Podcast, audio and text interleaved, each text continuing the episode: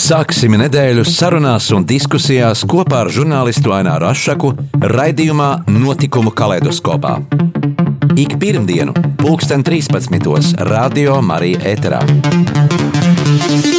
Tiksimies ar amatpersonām, interesantiem cilvēkiem, runāsim par aktuālitātēm un ikdienišķām lietām. Gaidīsim arī klausītāju jautājumus Radio Marija studijas viesiem. Ik pirmdienu, 2013. raidījumā Notikumu kaleidoskopā.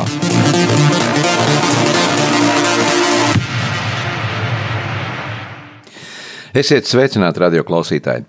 Šodien mūsu raidījumā, raidījumā viesosies teātris, aktieris un režisors, un arī jauno aktieru pedagogs, varas klausītājs. Un raidījumā runāsim par skatuves, gan arī aizskatuves, slavas un ēnas pusēm. Sveiks, Vari, mūsu studijā! Labdien visiem! Plašāku atpazīstamību kā aktieris un režisors tu esi iegūmis darbojoties improvizācijas teātris žanrā. Es biju arī viens no karaliskā improvizācijas teātris skatuves varoņiem. Un jau vairāk kā desmit gadus vadi zīmējumu teātri, kas ir profesionāls kamerteātris. Es saņēmu arī spēļu nakts balvu nominācijā ar izrādi bērniem un jauniešiem, kā arī ieguvis starptautisku atzinību teātris festivālos ārpus Latvijas. Sāksim sarunu ar to, kāds bija tavs ceļš uz skatuvi un eh, kā nonāca pie tādas profesijas izvēles kā aktieris un, un šajā gadījumā improvizācijas aktieris. Uh, es pabeidzu. Ceļš patiesībā ir tāds, nebija tā, ka es būtu ļoti nolēmis, ka man tagad ir jākļūst par aktieri. Un blakus mājai bija muzika skola, un es vienkārši sāku iet muzika skolā. Un kaut kādā brīdī tajā muzikas skolā, tur strādājot un mācoties, izveidojās tāds ansamblīts, kamera ansamblīts, muzi, mūziķi. Mēs gājām uz Ģeterta Elijas muzeju katru trešdienu un spēlējām kameru mūziku. Mēs spēlējām vienkārši visu biblioteku, kas, kas, kas mums bija likās interesanta, visu klasiku, visu kaut ko, un tie bija bezmaksas tādi koncerti Elijas muzejā. Un tad uz lieldienām mēs domājam, ka vajadzētu eh, šits Mateja pasiju uzvest. Un tur bija bišķiņ lielāks muziķu sastāvs, tur bija kādi seši cilvēki. Un tā kā mēs katru nedēļu tur bijām eh, tādā ļoti akadēmiskā tērpā, tad man likās, būtu interesanti aiziet uz teātri, paņemt no teātra kādus garākus apmetņus vai kaut ko tādu, un drusciņi tā kā mūkiem būt. Jo tas tomēr tāds mm, jā, liekas, tīri vizuāli tas arī piedod kaut kādu vēl papildus tādu skatītājiem, papildus emociju. Un es aizgāju uz teātri. Un, toreiz bija tāds jaunais Jālgavas teātris, un viņi man iedeva tādus apmetņus. Un es viņiem teicu, ka nu, īsti es samaksāt neko nevaru, bet ja viņiem kādreiz teātrī vajag mūziķi, lai droši zvana un interesējās, un es darīšu visu, lai es būtu turklāt. Tādā veidā tu iegāji teātris vidē. Un tā es sastāv... iegāju teātris vidē, tik elementāri. Jā, jā. tā kādreiz dzīvē saka, ka tā ir nejaušība, un te varbūt ir tas, tas gadījums, ka tā bija tāda nejaušība, un kas nokļuva arī par, par profesijas izvēli. Tur, bija, tur bija pat tā, ka es no sākuma spēlēju instrumentu pirms izrādes un starpbrīdī starp cēlieniem, lai, lai publika tā, tur dzer kafiju un tēju, un viņi aprunājās, kas tur noticis, lai būtu tāds fons. Un tad viņiem bija uzņemšana studija tam Jāgaus jaunajam teātrim. Un režisors, toreiz bija Krūmiņš, Kārlis, Agris, un viņš pienāk man klāt un saka, klausies, vai ir tā, ka mums ir ļoti daudz tajā studijā meitenes, bet mums nav neviena puiša. Tev ir jānāk uz studiju. un tā, tajā studijā bija Astra Kacena, kas toreiz ņēmās ar, ar improvizācijas teātri. Viņai bija tas Un tad arī sākās tās teātris improvizācijas. Un tas tā, tajā tāds, tāds tā kā saka, paralēlais ceļš tām muziķu gaitām bija tas. Un tad jau vēlāk, tad jau vēlāk es kultūras akadēmijā teātris mākslā iekritu vairāk pie Pētera Krilo, pabeigts teātris režisors. Jā, kā jau minēju, ievadā tev ir savs teātris. Eh, netradicionāls ar savu originalitāti un satura formu, un galvenokārt tendēts uz jauno paudzi, jauniešiem, bērniem, um, uz šo auditoriju. Uh, kā ir strādāt ar, ar tieši ar šo auditoriju, jauniešiem, bērniem? Kā viņi uztver to, ko tu pasniedz? Um, tas man ir viena izrāde, kurā ir bērni. pārējās visas izrādes uz skatuves ir profesionāļi. Bet šī viena izrāde ir absolūti lieliska, jo mēs, mums ir dāsnumātika, tā ir zīmējuma opera, tā ir mācību stunda par dāsnumu. Un šajā, šajā izrādē ir meiteņu ansamblis no Rīgas Doma kora skolas, kuru vadā ir Biržziņa. Un Kaspars Zemīts uzrakstīja kompozīcijas speciāli šai, šai izrādei, un, un tur ir tādas, tādi muzikāli numuri, un ar meitenēm strādāt. Es nezinu, ļoti iespējams, ka tā, tās meitenes jau ir īpašas, ka viņas nav, kā saka, ikdienišķās, jo viņas ļoti saistītas ar muziku, un muzika ļoti disciplinē cilvēku.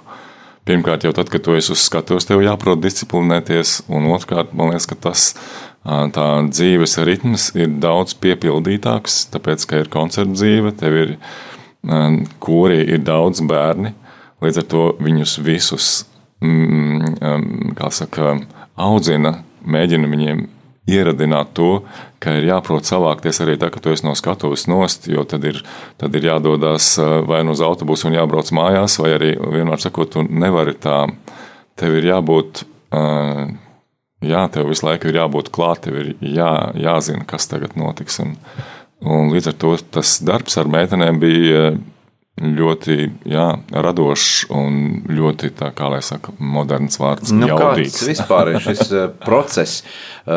topot izrādē, no idejas līdz scenārijam, kā tas viss top. Tas darbs, kas veido šo libretu, tas ir tikpat, tikpat, tas ir tikpat nezināms, kā, kā tas, kā es izvēlējos teātrī, vispār iegāju teātrī.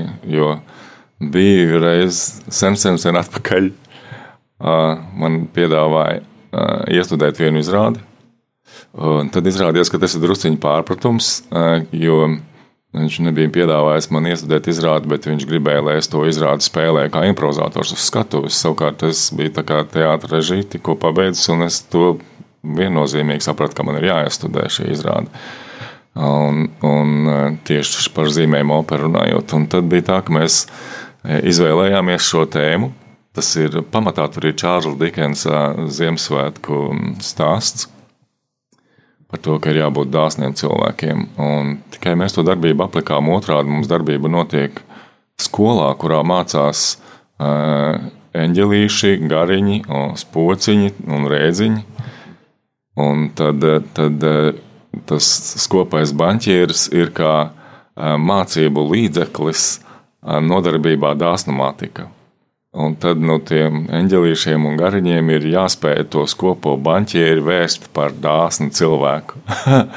Bet tā darbība ir tāda, ka mēs ejam soli pa solim, jo kas man ļoti svarīgi ir, man ļoti svarīgi ir, lai nevis es aktieriem saku, kas viņiem ir jādara, bet es gribu, lai, lai, lai tas kop, kopā top, lai es redzu, cik daudz viņi ir iekšā tajā izrādē, un tad es virzu to to viņu būšanu iekšā tajā iz, izrādē. Un tā ir Tas improvizācijas ir, izrāde arī. Tā nav improvizācija, Aha. tur ir pilnīgi viss iestudēts. Mm. Tur ir, nu, atkarībā no tā, kāds ir uzskats, protams, par to, kas ir improvizācijas teātris.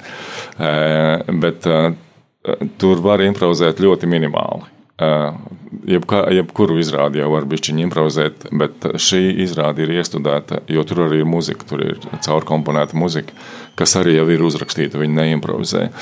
Viņi arī dzied, viņas arī dzied, un, un arī tas ir viss uzrakstīts, arī tas, ko viņas zīmē. Protams, tur, tur mums ir viena ainiņa, kur viņas pašas viena otru apsveic, un tās dāvanas tiek zīmētas uz tāfeles. Tā ir tāda mācības stunda tad viņas var izvēlēties pašas, kas būs viņas dāvana, un tad viņai tā dāvana ir jāzīmē.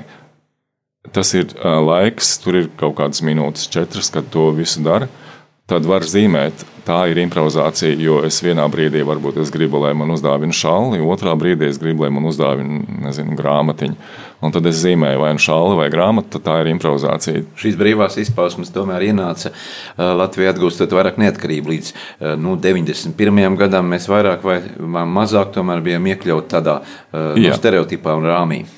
Jā, man kaut kā ļoti laimīgi ir sagadījies, ka Mūzikas akadēmijas pabeigts 92. gadā. Tā kā tāda,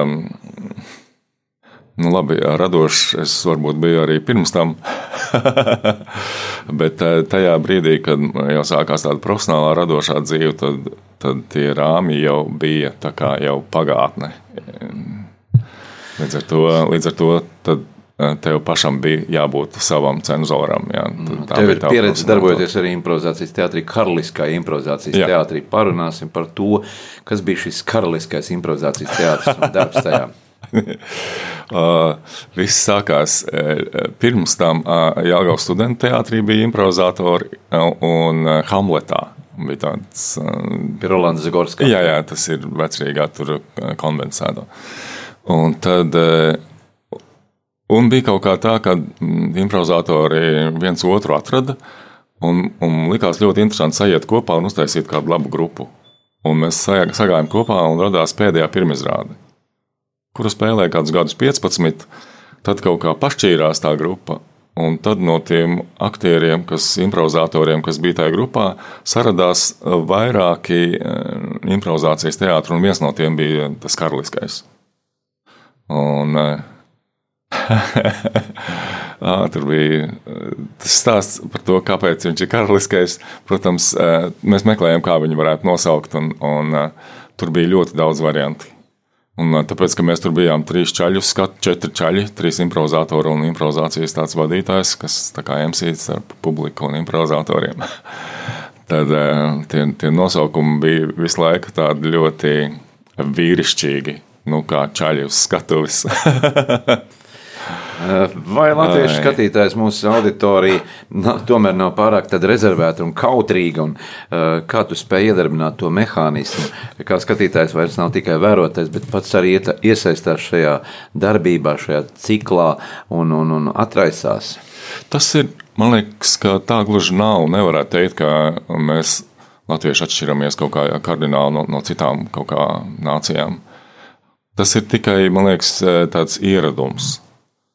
Jo eh, iesākumā improvizācijas teātriem kā likums bija jāiesilda publika, jo nav tāda tradīcija, ka vajadzētu teātrī tagad savu ieteikumu kliegt no sēdvietas, teikt, es gribu, lai spēlē mīļāko ainu par puķi vai labākā iepazīšanās aina vai nezinu, no miljonāru sāpes. Tad vienkārši, jo, jo mēs parasti ejam uz Nacionālo teātru, tur neviens nekliedz no zāles. Ja, nu, ja kliedz, tad pienāk klāt eh, vieta ierādītājs un saka, lūdzu, pametiet šeit telpas. bet šeit, šeit var tu brīvi justies. Jā, tā. bet tad, kad tu, tad, kad tu viņus iesildi un pasaki, ka tas tieši ir jādara, tad viss ir ļoti normāli. Nav tā, ka pēkšņi tev liekas, ka ne, to nekad nevar izdarīt. Tas ir, jā. Un arī mums tīri labi gājas. Tas karaliskais mums bija izpirkts biļetes, nezinu, nedēļu uz priekšu. Ļoti labi gāja. Jā, nu kā šie cilvēki atraisās? Piemēram, ir bijuši kādi kuriozi, kādas situācijas, kad iz, nu, iedod pavadienu, un tas viss procesā attīstās. Kāds sižets interesants, nu, kāda kurioza. Vislabāk jau skatos ir ņemt, kā ja mums bija tā, ka mēs dažreiz ņēmām skatos arī uh, cilvēks no zāles, nu, lai viņi sajūta, kas ir improvizācija. un tad, tad vislabāk ir ņemt tos cilvēkus, kas ir atnākuši ar kompāniju. Jo tad tiem pārējiem ir vienkārši ekstāze redzēt, kā mūsu draugs, ja, kurš ikdienā it kā neko, un skatos un viss, ko tu dari uz skatuves, un tu to dari patiesi, viņš vienkārši strādā. Bet uh, ir jau tā, ka tajā pašā sākumā, kad tu sāc improvizēt, tad uh, pirmais, kas lec ārā no cilvēka, ir tā, um, tas, um, tā uh, neapmierinātība, negācija un viss kaut kas tāds. Un, un, ja tam tiek pāri, tad sākās tās lietas, kas ir pa īstam improvizācija. Improvizācijā droši vien ir dažādi uh, paveidi, piemēram, nu, es tev teiktu, politiskā improvizācija. Jā. Kas cilvēkiem visvairāk varbūt, uh, nu, patīk klausīties un dzirdēt? Nu, jā, tā politiskā improvizācija vairāk vai mazāk viņa arī uz to, kad ir tu esi neapmierināts ar kaut ko. Mm. Un tad kādreiz karaļiem bija āksti, kuriem ik pa laiciņam tur nocirta galva un nāca cits āksts vietā. Ja? Bet, bet viņš bija tāds tā kā tvaika, tāds ventilis. tad, tad man liekas, ja, ja komēdijas sāk uz skatuves celt valdošo partiju vai valdošo, nezinu, kliķi vai valdošo parlamentu, tad principā tam parlamentam ir jāsāk klausīties, jo nu pat, nu pat viņi sāk darīt kaut ko tādu, par ko tauta smējās. Jā, nu te varbūt mēs varētu parunāt par to, ja tu kā režisors skaties kādu saimnes sēdi, nu tad neliekas, ka kādreiz arī tā, nu, ka tur notiek kaut kāda improvizācija reizēm, varbūt ne par tēmu, vai varbūt arī tas pat ne, nav pat nopietni ir tas, protams, demokrātija, kā saka, nav nekas labāks izdomāts kā demokrātija. Bet šajā pašā demokrātijā ir ļoti daudz cilvēki, kas izmanto šo demokrātiju un viņi spēlē Manipulēt. to demokrātiju. Mm. Jā, viņi spēlē demokrātiju, viņi mob, saka, lobē savus vai arī kaut kādā veidā bīda lietas. Viņi Vēl piemēram, citreiz ir tā, ka tu redz, ka šim cilvēkam ir iedots laiks, un viņš to laiku velk, jo viņam ir plāns. Ja viņš to laiku vilks, tad to, tā, tam debatēm vispār kaut kad ir jābeidzās. Un, ja viņš to aizpildīs to laiku ar neko, tad uh, viņš dabūs to savu stēli, piemēram, jā, kura īsti nav apspriesta, bet, bet viņš teikt, spēlē bišķiņu teātri, lai, lai pārējie netiktu pie īstām debatēm. Viņš vienkārši aizņem laiku. Bet, pēc būtības ir tā, ka tas, tās lietas ir tik vecas kā pasaule, un, un politika, vara tās ir lietas, ar kurām jau Šekspīrs jau sen jau, jau mm, komēdija delārte jau sen jau viss ir izspēlējuši. Un tad ir vēl visas lietas, kas saistītas ar precībām, un, un vai precās pa īstam, vai precās aprēķina dēļ. Un tad viss tās kaislības, ka kāds tev bišķiņi pamelo, un tu tam tici. Tad, bet tās cilvēcīgās lietas, man liekas, ir jaudīgākas par politiskajām lietām. Jā, bet tagad atkal maza muzikāla pauzīte un eh, kā jau sākumā tu teici, tu esi arī mūziķis un esi dziedājis eh, gan kamerkori Jāves Sol, gan arī kamerkori versiju, un mums ir tāda iespēja šobrīd paklausīties eh, kamerkora versiju izpildījumā kādu jauku skaņdarbu muzikālā pauzītē. Lai skan skaņdarbs!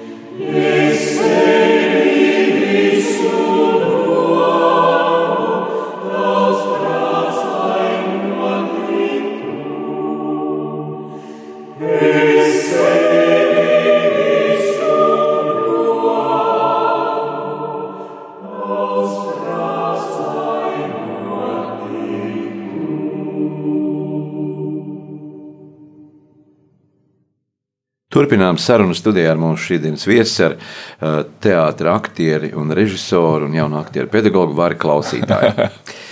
Jā, var, kā tu spēj norobežot savu ikdienas reālo dzīvi no, no, no, no, no, no tā, kas notiek uz skatuves, un vai to vispār ir iespējams norobežot, un kā, kā to visu paspēji?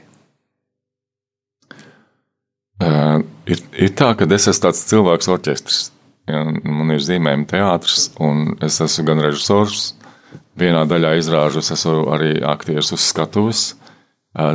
Cenšos mazināt to īpatsvaru, mēģinu, lai uz skatuves ir aktieri un es pats varu būt malā. Un tad ir vēl menedžmenta jautājumi. Tas arī ir tāds cilvēku orķestris. Un tad vēl kaut kādas publicitātes lietas. Tas viss līdz ar to Man ir tāda, tā, es esmu tā sajūta, ka ir ļoti daudz lietām vienkārši jāļauj notikt.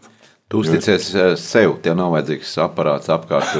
Direktori un direktoru vietnieki, mākslinieckie vadītāji. Nē, vajag. Eh, vajag, un es tieši šobrīd strādāju pie tā, lai palielinātu lai vispār izveidotu administratīvo. Man ir tā, ka man jau gadiem ir tāda kaut kā praksa ieviesies. Es esmu tur gājis un aicinājis studentus, lai viņi nāk praksē pie teātrī. Un tad, kad tā praksa beidzās, tad viņi tā kā pačiba. Man ir plāns, ka vajadzētu mēģināt viņus tomēr noturēt teātrī, lai, jo tam cilvēkam, orķestrim būtu nav labi. nu, ja pats, pats visu nevar izdarīt, tomēr. Jā, nav. Un arī Protams, tās administratīvās lietas varbūt viņas nav tik radošas, bet tik vai tā arī tur ir ļoti daudz radošas lietas. Un, ja tev blakus ir kāds cits profesionāls savā lietā, savā lietā tad tu vari iegūt eh, tādas lietas, ko tu pat nekad neiedomātos, ka vajag tā darīt. Ja? Līdz ar to es domāju, ka komandā vienmēr ir spēks un uh, tas ir. Uh, jā, uh, un tad. Mm, jā, bet tikko tā es paļaujos uz lietām, jo ir kaut kādas tā, tās lietas, viņas eksistē ar savu kārtību. Un, ja šī kārtība mani apmierina, tad es vienkārši ļauju, lai tā kārtība pati arī strādā. Un tas ļoti, tas ir tāds, man liekas, ka labs veids, kā dzīvē atrasties. Nu, cik ir tava auditorija liela vienā izrādē? Tagad, šobrīd, pēc visiem covidiem, Jā. samazinājies ir skatītāju skaits. Jā, pilnīgs trakums, protams. Kā, kā tas tev ir? Man ir, tā, man ir tādas izrādes, kas ir balstītas druskuļi uz improvizāciju.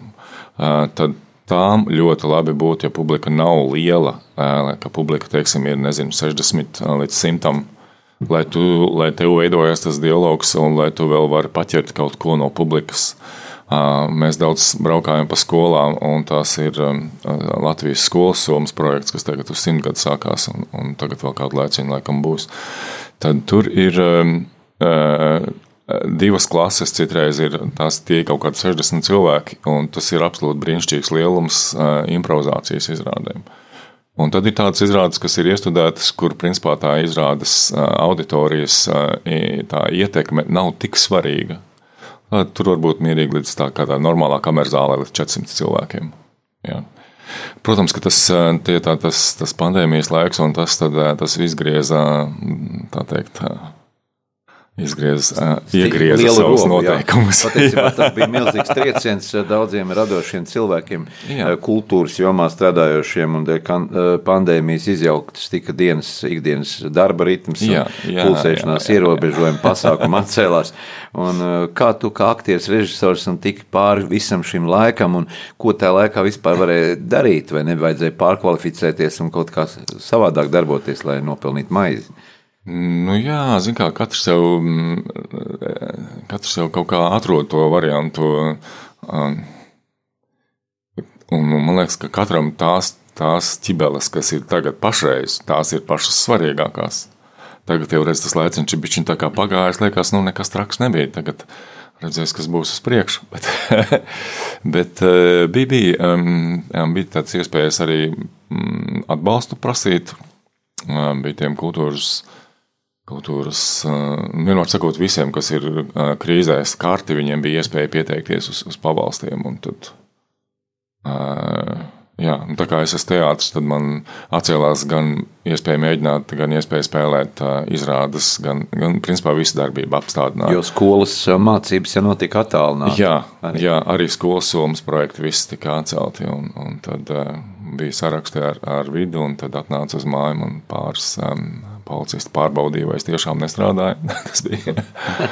un izrādās, ka es tiešām mājā nestrādāju, ka teātris nenotiek, tā tad arī dabūja kaut kādu atbalstu.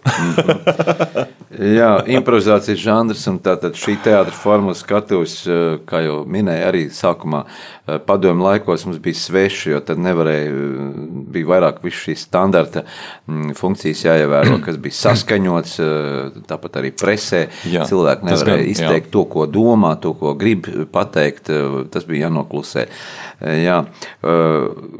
Un kad skatītājs ir e, vairāk kā vērotājs vai kā dalībnieks, jā, kā tu viņu tur vairāk pierunāji iesaistīties? Ziniet, kā man pašam bija tā, ka. Kādi tie pamatprincipi e, vai paņēmieni, vai ir kāds speciāls noslēpums, kā to cilvēku e, nu, dabūt? Speciāls noslēpums, klausieties, noslēpumu. Noslēpums ir tāds, ka vajag ļaut cilvēkam izpausties. Kādreiz saka, balītē, ja tu nevari dabūt, nu, iedzers 100 gramus, un tad atraisīsies. Arī, jā. Divas lietas ar to 100 gramu iedzeršanu ir. Viena lieta ir, jā, ka tu atraisies, otra lieta, kas improvizācijā ir ļoti svarīga, tev ir jādzird, ko saka partneri. Un tad, kad tu iedzēries to 100 gramus, tad parasti tā dzirde pazūd, jeb samazinās, jo tad tu pats, tavs ego sāk kļūt par pašu skaļāko personu tajā vidē. Bet eh, vislabākais ir ļaut eh, darīt tieši to, ko eh, tas cilvēks grib darīt. Jo parasti dzīvē ir ļoti daudz ierobežojumu. To nedrīkst, to nedrīkst, to nedrīkst, to nedrīkst. Tad, lūk, improvizācija, man liekas, viņa attīsta tie aizliegumi. Droši vien, ka visiem aizliegumiem ir kaut kāds pamats, kāpēc mēs to nedarām. Bet tad, kad tu tiec to izbaudi, to aizliegt, to, kas ir aizliegts, tad tu pēkšņi saproti, ka tam ir tiešām kaut kāds iemesls, kāpēc to visi dzīvē nedara. Un improvizācijā tu to vari izmēģināt un pārbaudīt, kā, kā tas ir, kad var darīt to, kas ir kā pilnīgi, aizliegt. kas ienāk prātā. Jā, pilnīgi, kas ienāk jo prātā. mazam bērnam es uh, zinu, ka nu, parasti vecāki, ko saka, nedrīkst šito ņemt, neaiztiec, nē, nedari to, jā, nekāp, jā, jā. viss ir ar uh, ne. Ar, tad jā. improvizācijā tieši otrādi veicina spontanitāti. Tev nav iepriekš jāizdomā, to drīkst vai nedrīkst, vienkārši dari. Un tā ir tava spontanitāte. Un Viss. Bet, ja bērnībā visu laiku viņam ir, uh, viņš ir zombēts, ka nedrīkst to, nedrīkst to, tad viņš jā, jau kaut kādā kā, veidā jau noslēdzas sevi. Protams, bet tev ir jārespektē tas, ja, tas, ja tu jūti, ka tas cilvēks ir visu laiku bijis aizliegts, aizliegts, aizliegts, tad respektē to, ka viņš ir bijis aizliegts. Un vismazāko, ko viņš ir atļāvies, uzslavē. Un tas ir pirmais solīts uz to, ka viņš Tā uzdrīkstēšana. Uz, jā, tev svarīgi ir nevis, ka viņš izdara kaut ko ģeniālu, bet ka viņš uzdrīkstās. Tas Kaut vai uh, arī valodu runāt. Mēs varbūt neprotam visi tik labi angliski runāt, cits neprot latviešu runāt, cits neprot krieviski runāt. Šī valodas neprasme. Um, nu arī, zināmā mērā, tu kaut kautrējies jā, jā. pateikt to, ko varbūt gribi pateikt, labāk jā. runā un runā un saka, kā un te uztvērs un sapratīs. Tāpēc uh, man ir tāda brīnišķīga iespēja, man ir zīmējuma teātris. Un zīmēt tu vari, nezinot valodu Bet arī cilvēki, kuri neprot zīmēt, kā tas Jā, ir ne, ar, ar, ar, ar neprašanu, ir pavisam vienkārši. Mazam bērnam tu saki, atver vaļā klavieru vāku, saka, nu ej spēlēt, un viņš var spēlēt jebko pa, pa tiem taustiņiem, kurus aizsniedz, viss notiek. Pēc tam cilvēks paaugās, un viņam saka, ej uzspēlēt klavierus, viņš saka, es nemāku. tad kaut kādā brīdī, jo arī tad, kad viņš bija mazs bērns, viņš nemācīja, bet viņš vienkārši baudīja to, kas skan. Tieši tāpat ir ar zīmēšanu vienkārši tu zīmē, tu velc to līniju un skaties, kas sanāk. Tev nav, jā, tā kā tu izaudz liels, tu jau esi redzējis, oh, Rembrandts, jā, tur ir Marks Šagāls. Šagāls, jā, jā, un tev pēkšņi liekas, nē, ka tu nemāki zīmēt. Bet tu baudi to, kā tu zīmē. Bet, starp citu, par zīmēšanu, ja runā, tad man liekas, ka zīmēšana ir ātrāka par valodu cilvēkam kā tādu. Bet kur paliek visi šie zīmējumi pēc jūsu izrādes? Ir bažā, dažādi varianti. Mums ir bijis, um, mēs piedāvājam zīmēt arī uz sienām, kas ir īstas sienas. Grafitī? Nē, izrādes zīmējumu mēs zīmējam. Tātad ir skatītāji, izrādes laikā top zīmējums, izrādes beigās mēs atļaujam skatītājiem pabeigt šo zīmējumu, Un tas zīmējums paliek. Mums bija Salgals skolā, un, muzikas skolā, un tur mums bija sienas, viņš tur bija kādus gadus, trīs, četrus. Tad ir varianti, e, mēs zīmējam uz papīra, un to papīru mēs pēc tam varam atstāt skolai. Un, ja viņiem ir kur viņu kādā citā nodarbībā vai kaut kur nolikt, jo e, tie bērni, kas ir pabeiguši to zīmējumu, viņi tur ir ļoti personīgi kaut ko izdarījuši tajā zīmējumā. Tas viņu atver, viņš redz to zīmējumu, un viņam tā ir atvērta emocija. Bet e, visbiežāk mēs vienkārši nofotografējam to zīmējumu, un, un tādā veidā viņš tiek. E, protams, ir vēl, man bija desmit gadu jubilejas izstāde. Tad es biju atlasījis pa tiem desmit gadiem kaut kādus zīmējumus, kas bija saglabāti, un viņi man ir e, kā kā izstādes objekti, kurus es varu jebkurā brīdī izlikt. Bet uh, visus zīmējumus, diemžēl, saglabāt nav iespējams. Mums ir ļoti daudz izrādes, un tad eh, fotografijas ir tās, kas krājās. Mūsu sarunas sākumā tu teici, ka uh, Jelgavā savulaik arī ienāca pavisam nejauši tādā teātra vidē. Tagad strādājot ar jauniešiem, ar bērniem, vai tu redzi arī sev turpinājumu, ka nu, šie audzēkņi jau ir, ir iet tavās pēdās un ir iedvesmojušies no šīs mākslas, no šīs kultūras, arī izvēlās profesiju un, un iet tālāk mācīties tieši šajā nozarē? Nu jā, zin kā, tieši tieši improvizācijas mācība un teātris mācība man vairāk ir saistīta ar izrādēm man nav tāda skola kā tāda.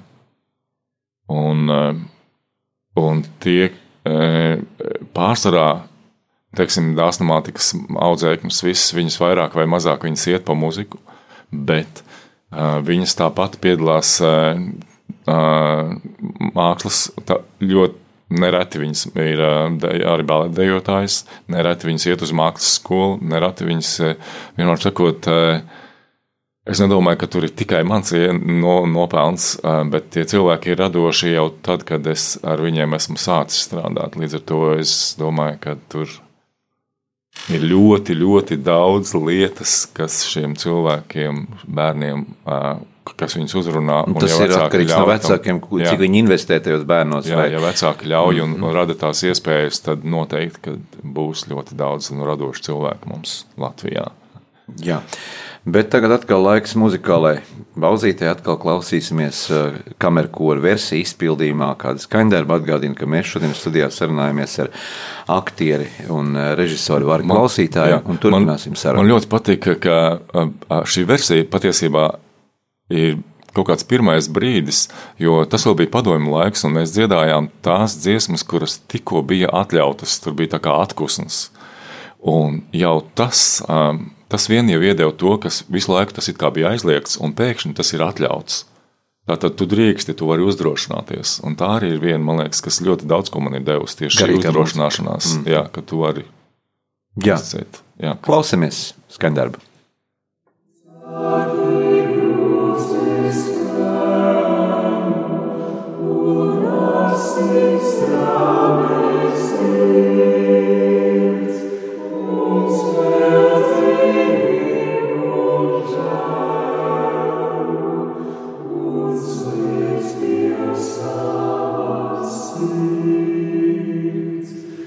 Oh,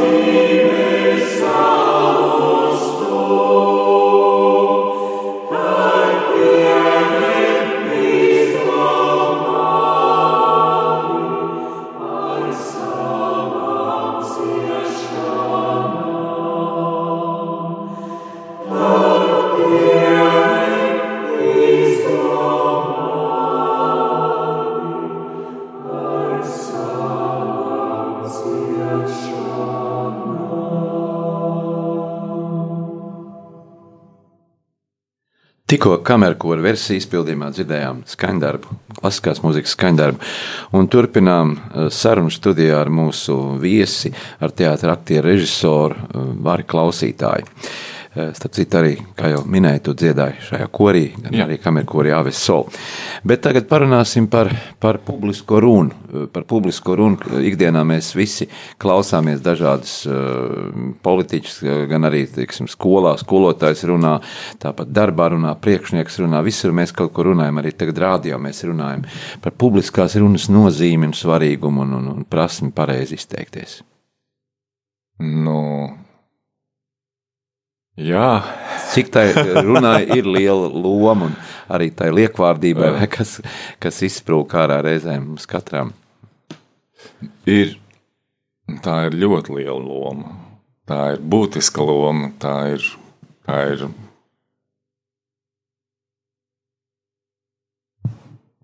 Jā, nav viegls jautājums. Ritīgi, arī garīdznieks, piemēram, arī uzrunājot savu draugu, arī, arī pārliecinoši. Nu, valoda, valoda, valoda, pirmkārt, valoda attīstās visu laiku. Viņa mm, nav tāds organisms, kas ir nomiris. Viņai ir jāattīstās, viņai ir jādzīvo. Nāk Un, jauna terminoloģija iekšā, datorizācija. Arī.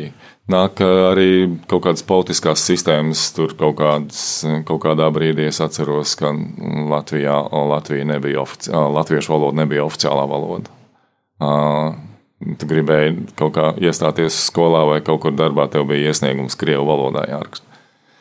Tad eh, tagad tas laiks, kā mēs esam izcīnījuši Latvijā šo latviešu valodu, un, un to vajag novērtēt. Tas nav tā ļoti pašsaprotami, par to ir visu laiku jārūpējās. Un par to, kā tu runā. Pirmkārt, valoda ir saistīta ar tautu vēseli. Cilvēki runā no sirds. Ja? Sirds tas ir dvēseles mājoklis. Līdz ar to tas, ko tu runā un, un kādā veidā tu runā, tas ir tavs dvēseles spogulis. Un tev ir jārūpējās par to. Tev ir jābūt, nu, tev ir jādomā, tev ir tas, mēs esam dvēseles, mums ir miesa. Tas nozīmē, ka par, par mums, mūsu valoda stāsta par mums ļoti daudz. Un tev ir tas, ko tu runā, tas principā esi tu. Tā ir tava dvēsele, tā ir tava dvēseles balss, tā ir tavs, tas ir tas, kas tu esi. Tāpēc man liekas, ka to nevar novērtēt pa zemu. Tas ir ļoti svarīgi. Jo pateikts vārds ir tā kā nu, faktiski izlietas ūdens, ja, ka, tu, ka tu to vairs nevari sasmelt, ja ir kaut kas pateikts. Jā, pro, tas arī, protams, kaut gan tas jau ir kā tu, tu zini, ka jebko Ja tu esi sastrādājis ziepes, un tu saprati, ka tās ziepes esi sastrādājis, tu vienmēr vari atvainoties, un tu vienmēr vari visu vērst pa labu.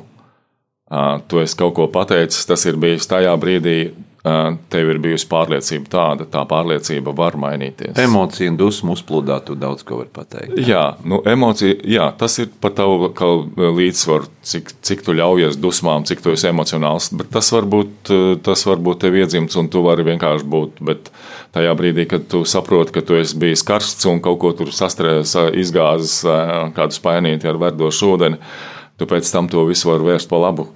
Tas... Bet kā aktierim uz skatuves, piemēram, ja viņam ir tajā brīdī e, nu, jāpārslēdz visi savi jā, smadzeņu faili, lai nav notēlotu, tur ir notēlot jā, Staņislavs, kas slavenais, viņam ir tas reāli psiholoģiskais teātris.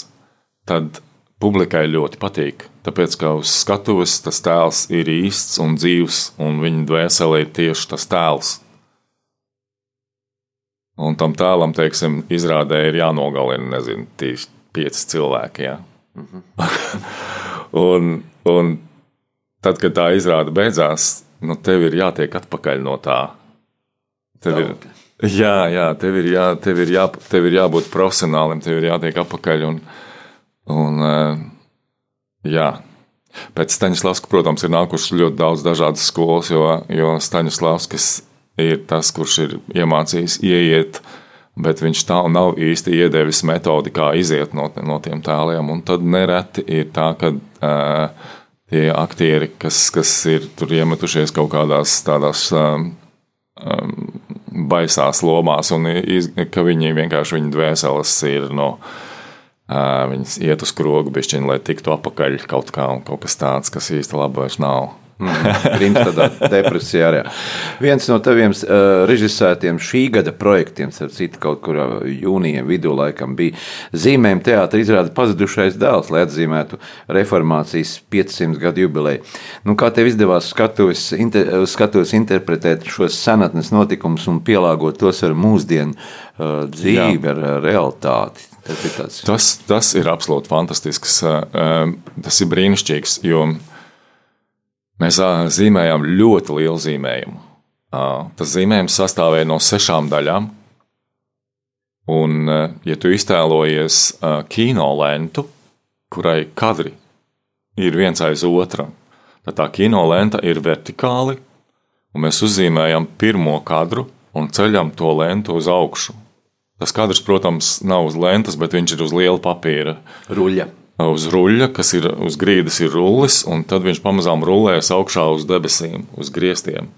Un mēs to spēlējām vecajā ģetrūdas baznīcā. Un, svētā, jā, un, un mēs bijām, tas zīmējums bija altāra daļā. Un uh, tur mēs uzzīmējam visu pazudušā dēla stāstu ar to, ka viņš ir, viņš ir bijis bagāts, tad ir viņa krišana, tad ir viņa mocību ceļš, un tad viņš atkal atgriežas pie sava tēva. Mums pavisam tur bija seši tādi zīmējumi. Mm. Kas ir brīnišķīgi, tas, tas, eh, tas, eh, tas darbs tika uzvests eh, Rīgā. Kāpēc Burkhards Valdis? Viņš tika uzvests Rīgā 1527. gadā. Un tas ir laiks, kad tas Tas darbs nav oriģinālā latviešu, viņš ir tādā baltvācu valodā. Mēs viņu lasījām latviešu. Un man likās, ka tas varētu būt tāds, tāda izrāde, ar kuru varētu ritīgi pa visiem dieniem apskriet un, un izrādīt viņu. Par to, bet mums kaut kā īsti nesavedās ar finansēm. Tur, jo tur bija ļoti daudz cilvēku iesaistīti. Tur bija senās muzikas ansamblis, tur bija dziedātāji, tos kūrēja Pēters Veckovskis. Gan, gan ansambli, gan dziedātājs. Tad bija divi laikmatīgās dēļas dejotāji, un gleznotāja un teicējs. Jā, man ļoti patīk šis uh, uzvedums, absolūti brīnišķīgs. Jā, tas tiešām arī ir tā interesanti, ka arī tā baznīcā var jo, improvizācijas jo formas. Jā, nu, tas nav, tā nebija improvizācija, tā tur viss ir iestudēts, bet zīmējuma forma, jo parasti liekas, ka zīmējumi tas ir priekš teā, teātris priekš bērniem. Nu, tu viņam tur iedod un tad viņš tur zīmē. Bet nav gluži tā zīmēšana, tā ir. Um, Tā ir absolūti universāla lieta. To var, to var spēlēt gan bērniem, to var spēlēt arī pieaugušiem. To var spēlēt pasakiņas, un tu vari spēlēt arī uh, sižetu no Bībeles. Tu vari spēlēt, tu, uh, zīmēšana ir tikpat kā valoda. Viņi, viņi to var izteikt jebko ar zīmēšanu. Jā, tā kā mēs raidījumā, tā kā tas ir mūsu portrets raidījums, un raidījumā mēs runājam par tavu dzīvi, par tavu darbu, tad gribētu pajautāt arī, kā ir ar taviem hobijiem, ar vaļaspriekiem, kā tu uh, spēj teiksim, savienot vēl kādu uh, aktivitāti ārpus šī teātra, kas ar faktiski ir jau gan hobijs, gan arī darbs viskopā tev? Jā, es, man ir grūti atbildēt šo jautājumu, jo man ir tiešām, ka man ir ļoti daudz visas kopā. Es esmu tur kaut kāds cilvēks orķestris, un tajā brīdī, kad es neesmu uz skatu, tad es varu pamanģēt kaut ko. Bet eh, hobijs, piemēram, ir absolūti brīnišķīga lieta. Var vadīt pasākumus piemēram, festivālu Sansusī, Susējā. Tas ir uh, akadēmiskās kameru mūzikas uh, brīvdabas festivāls. Fantastiska lieta. Tas ir tā kā hobijs. un, protams, man patīk ceļot, un es nezinu, vēl aizraujos ar, ar tādu lietu kā meditācijas. Man patīk um, meklēt, kas tu esi un, un kas ir tava vieta un kāpēc tādas kaut kādas lietas. Proti, mainīt dvēseles stāvokļus. Proti, mainīt dvēseles stāvokļus. es nezinu. Jā. dvēseles stāvoklis mēs parasti skatītājiem mainām teātris izrādē. Jā, mūsu saruna tuvojas noslēgumam, un ko tu gribētu novēlēt visiem rādījumam, arī klausītājiem šajā skaistajā rudenī, kas ir tiešām šogad tāds ilgs rudens? Oh, iet dabā. Man liekas, ka tas ir ļoti vērtīgi iet dabā. Neskatoties, bet man liekas, ka ir iespēja klausīties arī radio un iet dabā. Bet daba arī ir, daba arī ir tāds mm, nezinu, skaņu avots, sajūtu avots, vai, vai pareizi, jā, tu vari gūt ļoti daudz informācijas no dabas. Tu vari Jā, es, es novēlu to dabas visu. teātris. Kādreiz saka, daba ir kā teātris, kur putnu balsis, ūdens šalkas. Un, Jā. un ar to varbūt mēs sarunu arī uh, beigsim. Un, uh, teikšu tev lielu paldies, ka atnāci studijā un, mēs pārunājām tādas uh, varbūt lietas, par kurām mēs ikdienā neaizdomājamies, un par tavu radošo, radošo darbu. Paldies, ka strādā ar jauniešiem, ar bērniem. Uh, viņas attīstot arī viņu spējas un dodot daudz, daudz prieka ar savām izrādēm, ar zīmēm teātri, lai vēl pietiek spēka veidot jaunus projektus, izrādes un, un, un tikties ar saviem skatītājiem, kas, Jā. kas dod prieku mums visiem ikvienam. Paldies! Paldies! Atgādinu mūsu klausītājiem, ka tikko mēs sarunājāmies ar teātra aktieru režisoru un jaunu aktieru pedagogu Vāri klausītāju studijā. Paldies! Paldies, tiekamies zīmēm teātrī. Jā.